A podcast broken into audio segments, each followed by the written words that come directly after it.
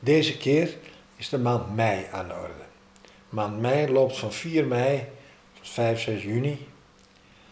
En is in de seizoensindeling die ik hanteer het begin van de zomer. Die zomer die loopt van 4 mei tot 6, 7 augustus. Met als hoogtepunt 21 juni.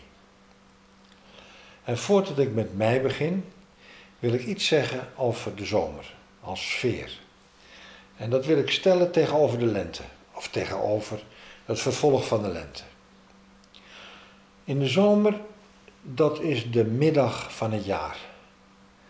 Uh, het is de volheid van het jaar. Het is volgroeiing. Um, het, het, er is een enorme diversiteit. Het licht wordt groter en groter en sterker, langer. Het is alsof er in die diversiteit een uniekheid ontstaat van vormen. Het is ongelooflijk hoeveel vormen er zijn. En iedere vorm is binnen dat leven uniek. Rijping is er nog niet. Rijping gebeurt in de herfst. En ik maak dat verschil omdat je in augustus meestal al de eerste rijping ziet. En dat is bijvoorbeeld het geel wat aan de kastanjebladeren van een kastanjeboom komt. Of de beuk die iets verkleurt. Um, daarin zie je dat in die verkleuringen en de kleurscharteringen die groter worden, een bepaalde rijpheid komt. Dan komen ook de bessen. Nu zijn we bezig met voller, voller, voller, voller worden. En dat is een sfeer van de zomer uh, die sommige mensen heel blij maakt en sommige mensen ook benauwd maakt, omdat ze die volheid nauwelijks durven te beleven. Kijk eens hoe jij tegenover de zomer staat. Kijk eens of jij door je, uh, laat ik zeggen, je eigen beperkingen heen kan groeien. Kijk eens of waar jij jezelf uh, vastzet, waar je niet voluit durft te gaan.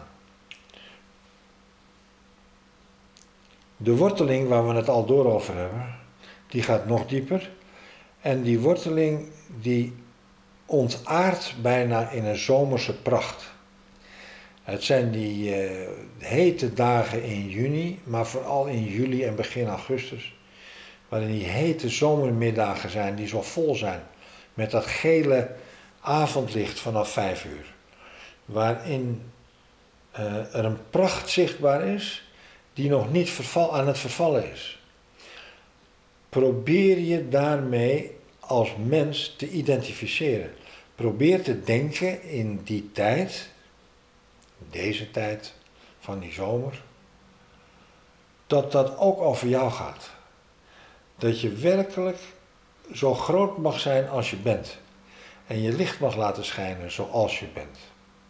Dat geldt voor de hele zomer.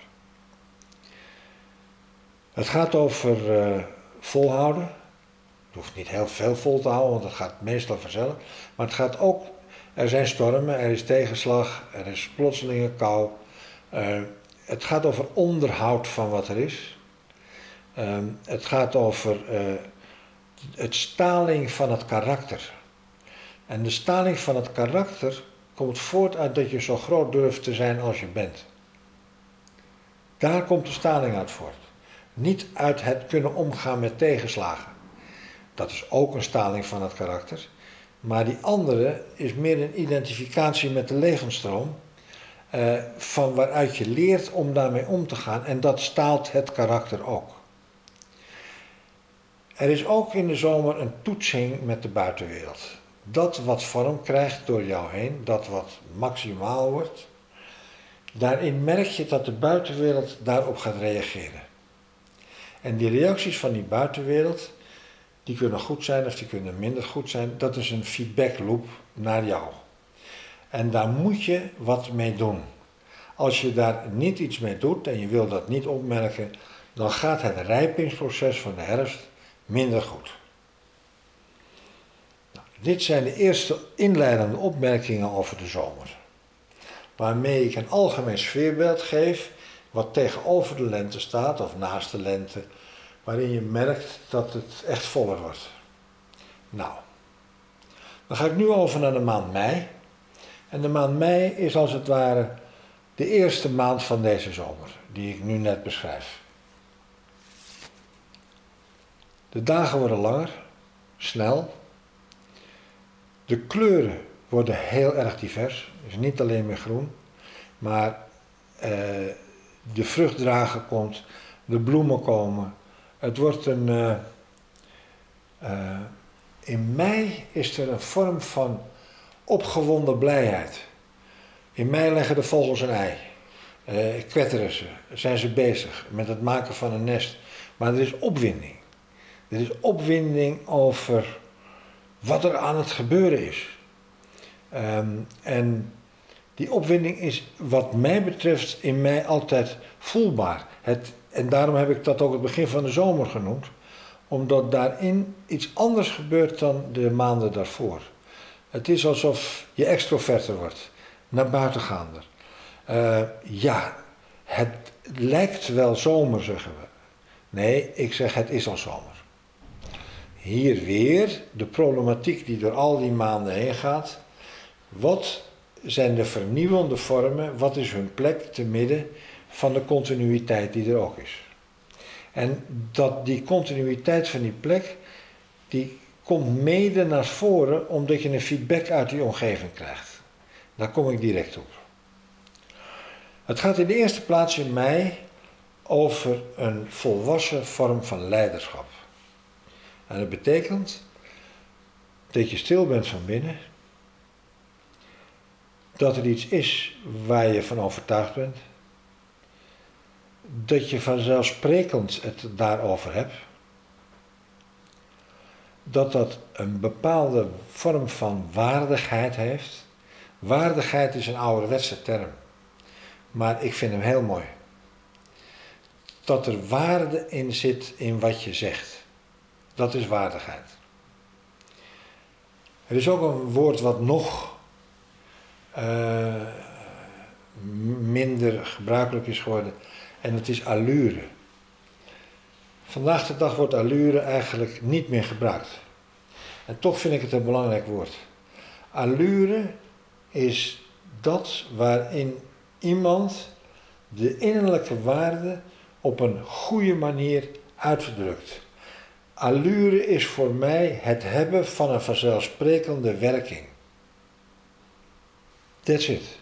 Dat mag je allure noemen. Je mag dat ook herkennen.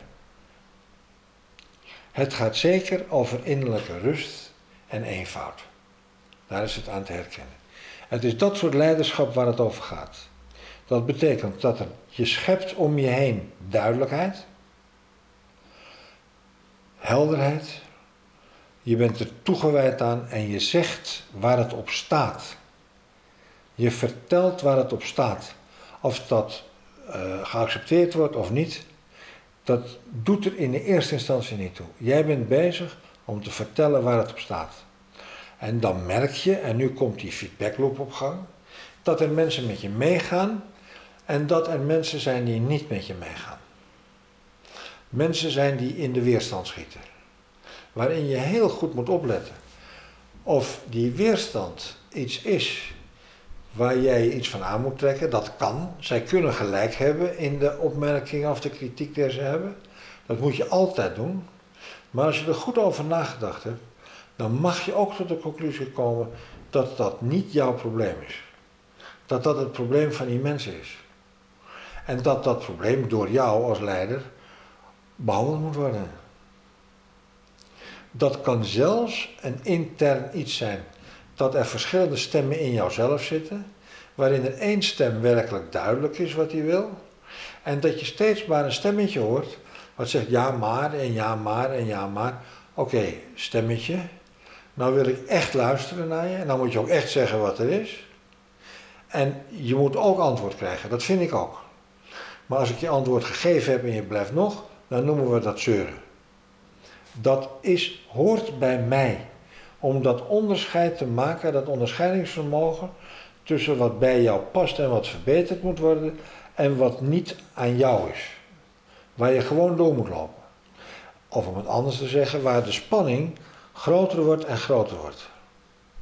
En dat je weet dat dat niet jouw spanning is. Hoe daarmee om te gaan is iets wat in mei en juni maximaal speelt. Later ook in het najaar, maar dan heeft het een andere kleur. Ik zou bijna zeggen, dit heeft een frisse kleur van uh, uh, creatieve conflicten. Op zijn best. Het heeft ook een kleur, niet op zijn best, als het een cultuur is die zuigend is, als het een cultuur is die traag is, dan kom je dat in mei maximaal tegen. Uh, dus kijk in je eigen organisatie uh, of wat er aan de orde is. En dan kan het zijn dat jouw leiderschap daar een doorbraak in maakt, of dat je mensen meeneemt. En het kan zijn dat je in de pap gezogen wordt. Dat wordt in mei en juni duidelijk.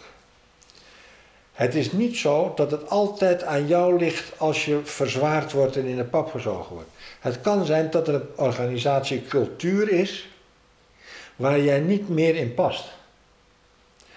Dat uit zich in mei en juni.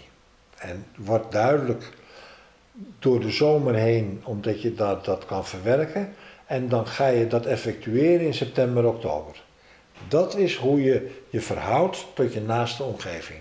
Dat is het ritme waarin dat gebeurt. Die vormgeving, hier worden de kiemen gelegd van hoe tussen jou en die omgeving zitten. In juni worden die kiemen groter.